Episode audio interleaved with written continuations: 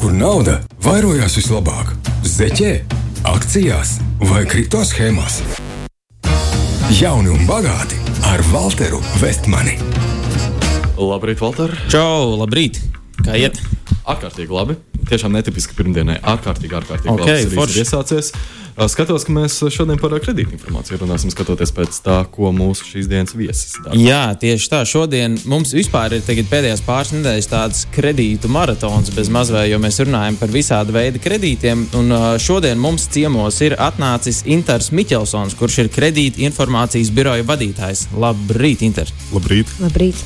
Mēs par kredīta informācijas biroju esam dzirdējuši nedaudz, iepriekšējos raidījumos pieskārāmies, bet uh, varbūt tās Inter tur pāris vārdos ieskicēt, kas tas tāds kredīta informācijas birojs ir un ar ko viņš īsti nodarbojās tiem, kas varbūt ir palaiduši garām.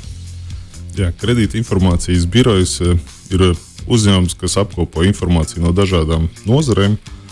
Attiecīgi šeit nonāk informācija no bankām, no nebanku kreditētājiem par eh, saistībām, kuras tiek pildītas, kuras tiek kavētas. Eh, Tāpat arī no visām nozarēm, pieņemsim no ele elektroenerģijas nozares, eh, un kā cilvēki maksā savus rēķinus, tāpat tās eh, eh, informācija no slimnīcām, no nozare, piemēram, no Rīgas satiksmes, ja, vai cilvēks tiek noķerts pa zaķi, nesamaksā savu sodu, tad tā informācija arī nonāk. Līdz ar to patiesībā tā informācija pie mums var nonākt no jebkura uzņēmuma, kuram kāds ir parādā. Tad Ok, tad principā tas ir gan kaut kādi kredītu atmaksas. Uh, Kavējumi, nekavējumi, gan visādi rēķini neapmaksāti. Un pat ja autobusā ar zaķi brauc, tas arī, noķer, tas arī aiziet kredīta informācijas biroja.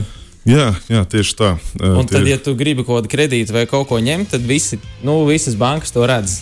Jā, pilnīgi pareizi. interesanti. Ha, Respektīvi, tā ir ja visa informācija, detalizēta, piefiksēta informācija par kredītu pārkāpumiem, to, kas nav samaksāts. Uh, Ne, ne tikai arī tas, kas tiek maksāts, jo mēs, uh, uh, te, teiksim tā, īsi, īsi kāpēc kredīta informācijas birojas vispār ir, ir radies, ja, tad tā, tā galvenais grūdienis bija 2008. un 2010. gada krīze. uh, Kad pēc krīzes uh, kreditētāji redzēja, ka patiesībā vairs nevar nevienam iedot kredītus, jo visa informācija par klientiem ir tas, ka viņi ir slikti. Ja.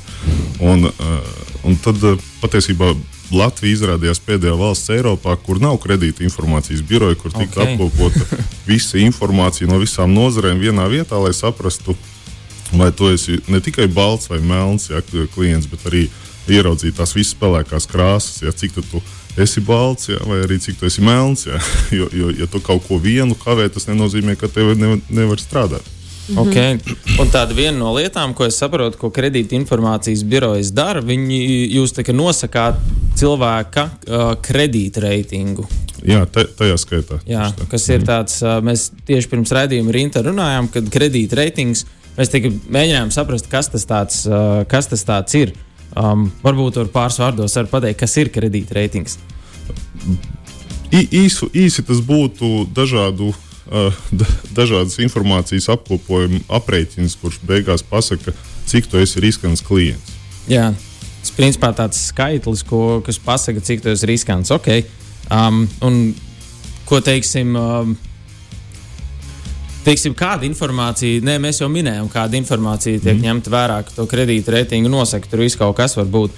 Bet, uh, ko īsti nozīmē, nu, ja tāds kredīta reitings ir labs vai slikts? Kād, mm. Kādēļ par to būtu jārūpējas varbūt cilvēkiem?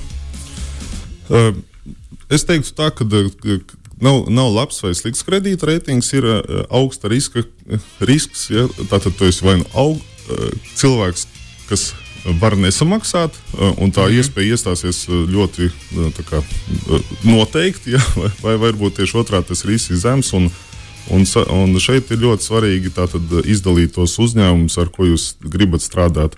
Jo, pieņemsim, ja jūs esat klasiskai bankai, skaitaties riskants klients, tad aizejot pie ja, jaunā veida kreditētājiem, jūs nebūsiet vairs priekš viņiem riskants, mm -hmm. jo jūs ietilpstat viņu tā saucamajā riska apetītē, un viņi labprāt ar jums sadarbosies. Bet, protams, vienmēr ir kaut kāda klienta grupa, kuriem šis kredītreitings būs ļoti riskants, un līdz ar to neviens ar viņu negribēs strādāt. Tad... Okay, tas sanāk, nav tāds universāls, teiksim, nu, kā skolā, ja es dabūju astoņi, tad ir ok. Nu, tā ir laba atzīme. Trīs jā. ir nu, tiešām nesekmīgs. Bet, uh, kad runa ir par kredītreitingu, tad var katrai iestādē nu, kaut kāda sava veida interpretācija pret to būt. Nu, es tā saprotu. Jā, jā tieši tā. Un, un tie kredītreitingi arī ir dažādi, jo katrs eh, kreditētājs viņš eh, skatīsies un, un varbūt pat uzbūvēs savu kredītreitingu, jo tas kredītreitings, kurš dara piemēram eh, priekš hipotēkas, viņš nebūs vairs tik precīzi priekš patēriņa kredītiem. Mm. Savukārt tas kredītreitings, kurš dara un ir labs bankām, viņš piemēram nestrādās tik labi telekomunikāciju nozarē vai vai piemēram nozarē, ka, kas mums arī skatās datus, ir uh, uzņēmumi, kurš, kur izīrē dzīvokļus. Telekomunikācija tad nav tā, ka tad, principā bankas vai citas. Nu, nav tā, ka bankas un kredītiestādes ir vienīgie, kas viņu izmanto, vai arī, vai arī tas, ko tu saki, ir, ka kāds cits, izņemot bankas, arī skatās, kādas tie kredītreitingi ir. Jā, jā pilnīgi pareizi. Kredītreitingu var izmantot jebkurš uzņēmums, kuram, uh, kurš sniedz pakalpojumu vai preci uz pēcapmaksu. Attiecīgi tādā veidā viņi var izvērtēt jau uh, skaitliskā veidā uh, šo risku. Jo, jo es teiktu tā, ka Tā, tā mūsu pamatdarbība ir uzkrāt informāciju, un viņa veidojās kā kredītvēstures atskaita, kur mm daudz, daudz dati par, par, par katru jūsu maksājumu uh, slikto ja, vai, vai labo kredītu. Bet kredītreitings ir tiksim, skaitlis no 250 līdz 900, mm -hmm. kurš pasaka, ka 250 ir slikti, 900 ir ļoti labi. Un, un uh, pa lielam daudz uzņēmumu, kas varbūt nav tik, tik, tik specializējušies kredītos, šo skaitli ļoti vienkārši var izmantot, lai izvērtētu savu klientu. Mm -hmm. un, un, un tieši tā kā, kā, kā, kā minēja, tās pašas telekomunikācijas, viņas dod iekārtas uz nomaksu, un tā ir tas, tas pats kredīta risks, jo viņi grib zināt, vai uh, tos divus gadus vai gadu uh, tu spēsi maksāt par savu mm. telefonu vai nespēji. Ok, un tu minēji arī par īrēm. Es vienkārši iedomājos, ja, nu, pieņemsim, ja es esmu cilvēks, kam pieder, teiksim, trīs, četri dzīvokļi, un es viņus izīrēju cilvēkiem, un nu, tas ir tas, kā es varbūt papildu, nu, kā es iegūstu naudu. Uh, Vai ir arī kaut kāds veids, kā es varu tikt klāt un redzēt citu cilvēku kredītreitingus, pirms es viņiem to savu dzīvokli dodu? Pēc Latvijas likumdošanas tas būs sarežģīti, jo privāta persona nevar pārbaudīt datus par citu privātu personu. Jā. Bet tajā pašā laikā tā, tas pats likums nosaka, ka mums kā kredītbirojiem ir jādod bez maksas tev pašam informācija par tevi un bez skaita mm -hmm. ierobežojuma. Līdz ar to jebkurš cilvēks par sevi var ieiet mana kredīta vēsture LV, Jā. bez maksas pieprasīt savu atskaitu un redzēt, um, kāda informācija par viņu ir pieejama. Savukārt, kredīta, ja tieši jau specifiski par kredītreitingu runājam, tas gan ir maksas pakalpojums, un to klients var vai nu teiksim, pats sev nopirkt. Jā. Uh, savukārt, pieminot šo situāciju, ja tev ir trīs dzīvokļi, tad uh, tur ir tāds variants, ka vai nu tu paprasti savam uh, potenciālam īrniekam, lai viņš tev parāda savu kredītvēsturi. Tā, tā drīkst. Protams, jo okay. tas viss notiek uz piekrišanas pamata. Ja, à, nu jā, ja, viņš pats, pats dod, tad. Tieši tā. Ja es mm. zinu, man viss ir labi, man nav ko slēpt, es negribu no tava dzīvokļa aiznest leduskapu, ja, tad es arī tev parādīšu, un, un tu man ielaidīsi uz īri savukārt.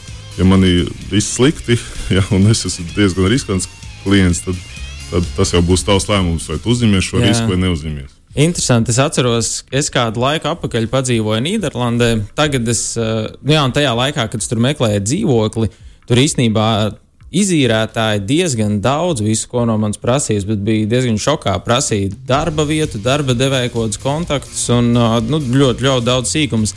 Es nezinu, vai Latvijā tā tagad dara. Es sen neesmu īrs dzīvokli meklējis, bet tas bija interesanti. Un arī tu minēji par to kredīta, to kredīta vēstures izziņu, no, no kā, kāds bija portāls, mana kredīta vēsture LV. Es īstenībā to arī atradu, paskatījos. Un tas tāds interesants, 13 lapās tur ir viss kaut kas aprakstīts. Nu, katrs sīkums, cik man ir, vai es esmu precējies vai nē, esmu, ja es esmu kredītkarti pārmaksājis par 15 eiro, to nu, visu, visu parādu. Es biju nedaudz pārsteigts īstenībā, cik daudz lietas tajā visā ir iekšā.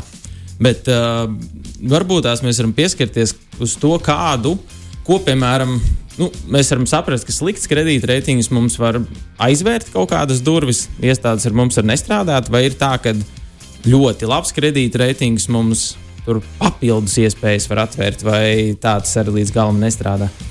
Uh, nu, pasaules praksē tā, tā tas ir un tā tas strādā. Uh, vai tas šobrīd Latvijā es teiktu, ka drīzāk nē, bet tam ir izskaidrojums ar to, ka mēs, kā, mēs savu pakalpojumu un vispār kā kredīta informācijas birojas sa, savā ziņā esam ļoti jauns. Un, ja mēs salīdzinām ar veco Eiropu, mēs vēl varētu teikt, ka esam bērnu autiņos. Tāpēc, tāpēc tam biznesa, tam, tā, tā informācijas apmaiņai viņai būtu vienkārši jānobriest arī cilvēku prātos, ka ir tāda vieta.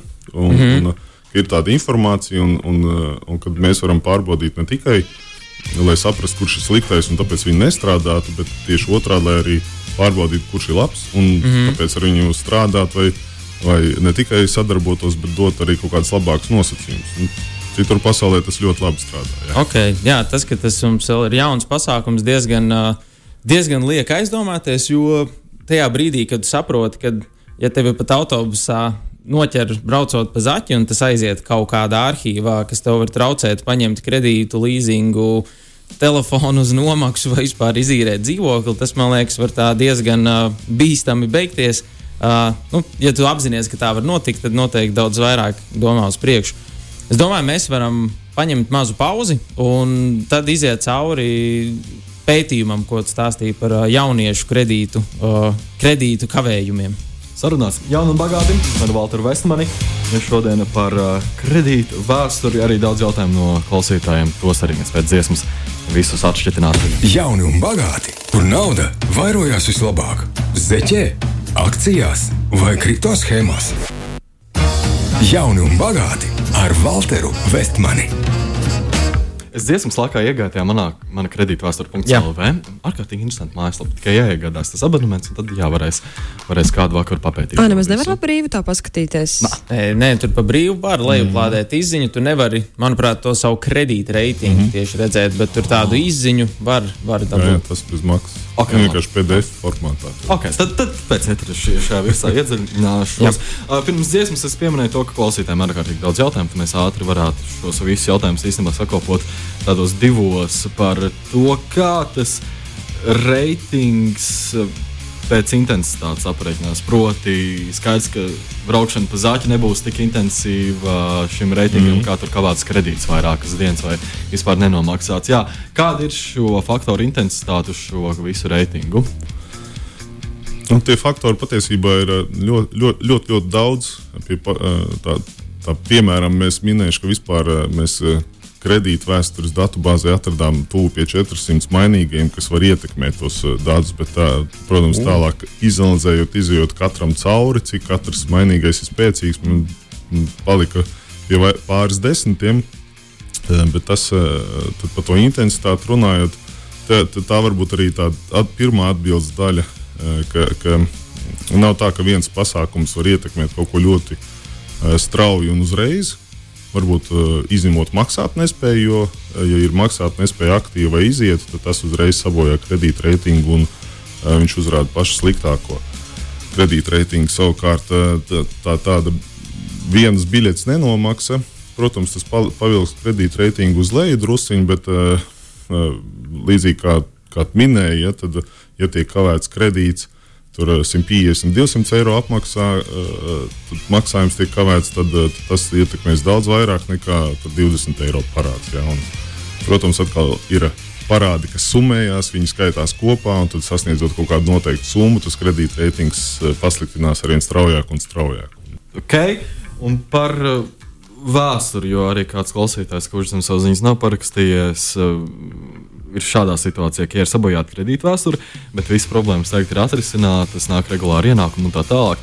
Cik ilgi saglabājas šī vēsture? Es gribētu teikt, mēs varam atgriezties uz to sarunu sākumu, ka ne visi ir melns un balts, ka tie arī ir tie pelēkie reģionu. Šis varētu būt viens no tiem. Jā, ja, ja mēs runājam tieši cik vispār informācija ilgi glabājas, tad to nosaka likums par kredīta informācijas birojiem. Tur ir rakstīts, ja, ja ir parāds un viņš nav nomaksāts, tad viņš datubāzē ir desmit gadus. Mm. Ja parāds ir nomaksāts, tad viņš datubāzē glabājas piecus gadus. Bet te uzreiz visi klausītāji jānomierina ar to, ka tā informācija parasti netiek tik sena informācija, teiksim, it īpaši slēgtā informācija, netiek ņemta vērā kredītreitingā, ja viņi ir vecāki par nezinu, pusgadu, gadu.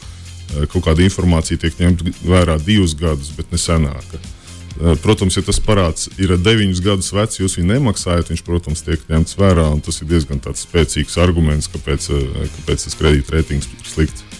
Jā, tas kā iepriekšējā raidījumā mums arī Kārlis stāstīja, kad, uh, nu, kad nu, no vienas puses, kad kredīti iestādes tev skatās, viņi saprot, nu, ka cilvēki ir cilvēki. Varbūt tajā brīdī kaut kas gadījās, paiet kādi gadi, un tad arī nedaudz vairāk izvērtē, kas tur īsti bija noticis. Un, vairāk, man liekas, iestādēm interesē arī kas notiks uz priekšu, skatoties. Mm -hmm. Jo, manuprāt, ja tādi divi, trīs gadi ir bijuši tīri, es pieņemu, ka nu, tad vajadzētu būt, ka ir ok, ka es savedu savu dzīvi, finansiālo dzīvi kārtībā.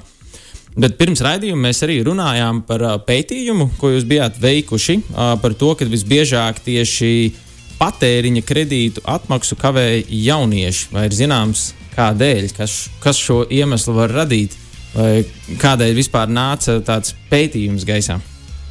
Uh, jā, patiesībā mēs uh, uh, vienk, uh, apkopojam tirgus datus, lai saprastu, kas vispār tirgu notiek šobrīd. Jo, jo visi uztraucās, ka bija Covid, tagad mm. ir uh, karš un, un kā tas viss ietekmēs. Un, uh, Un tas, bija, eh, tas mums pamudināja paskatīties, kā vispār cilvēki savas uh, saistības pilda. Uh, mēs konstatējām, ka kad, jā, kad jaunieši ir patiesībā tie, kas kavē visvairāk. Un, un, un tur bija 25% apmērā. Tātad katrs ceturtais kaut ko kavē.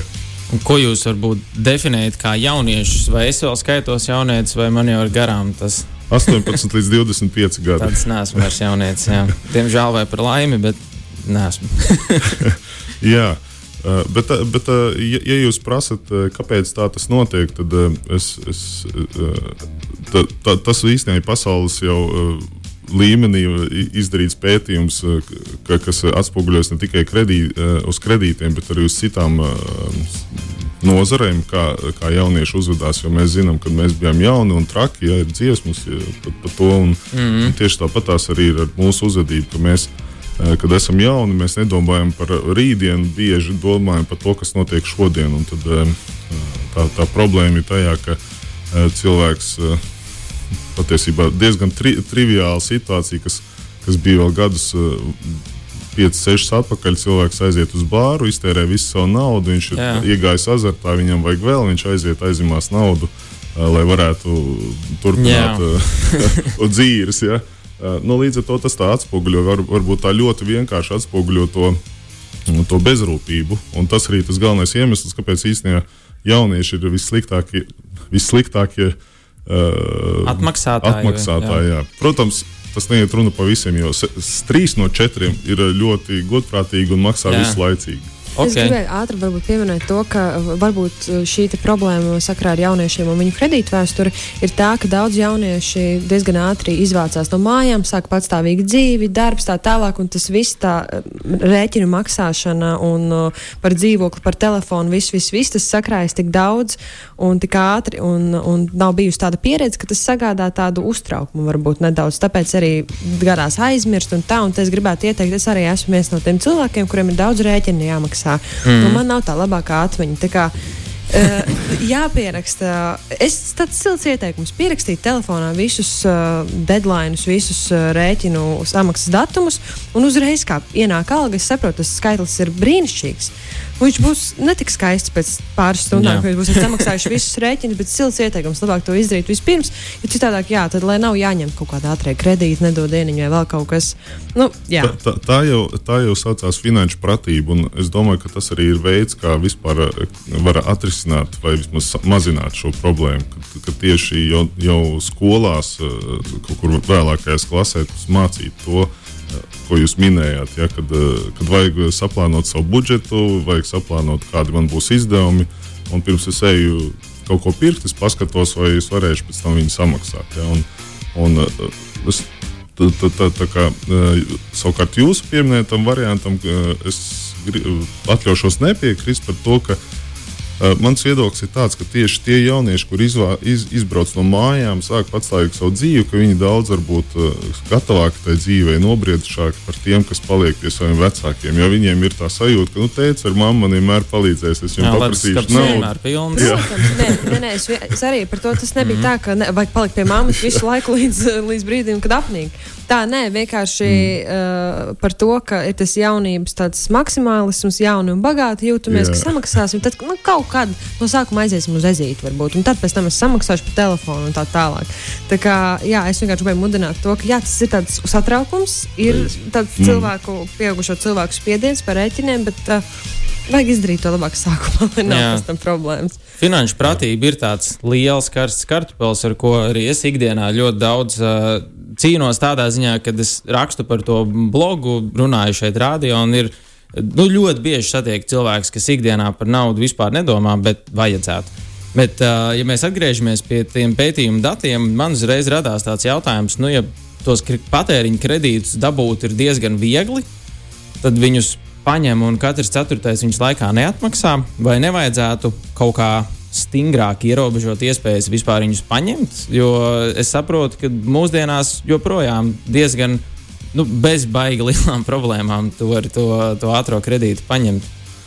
Nu, no vienas puses, es tai domai varētu piekrist, eh, bet atkal te jāskatās tas risinājums, eh, kā, kā izdarīt tā, lai tie 75%, kuri maksā un to dara laicīgi, lai viņiem nav apgrūtinājums papildus. Tieši tā. Mm. Es domāju, protams, eh, katrs uzņēmums, kurš strādā ar jauniešiem, viņi jau ir ierēķinājuši to savā riskā, ka tas, tas viens eh, nemaksās, un citi nomaksās viņa kredītu, eh, viņa to, to radī, radīto ķibeli. Bet tas ir tāds šo, šobrīd atvērts jautājums, kā izdarīt tā, lai identificētu tieši tos jauniešus, kuri ir bezatbildīgi, varbūt, ja, un, un kuri nemaksās. Eh, tādas informācijas pagaidām nav. Okay. Katrs mēs sākam ar baltu lapu, ja ir tīra kredītvēsture. Un... Jā, jo tu nezini, vai tu būsi tas ceturtais, kas nemaksā, vai starp tiem trīs, kas maksā. Um, vēl viens jautājums, kas interesē arī man, uh, jo es esmu lasījis visādus amerikāņu blogus un grāmatas, kas runā par personīgiem finansēm.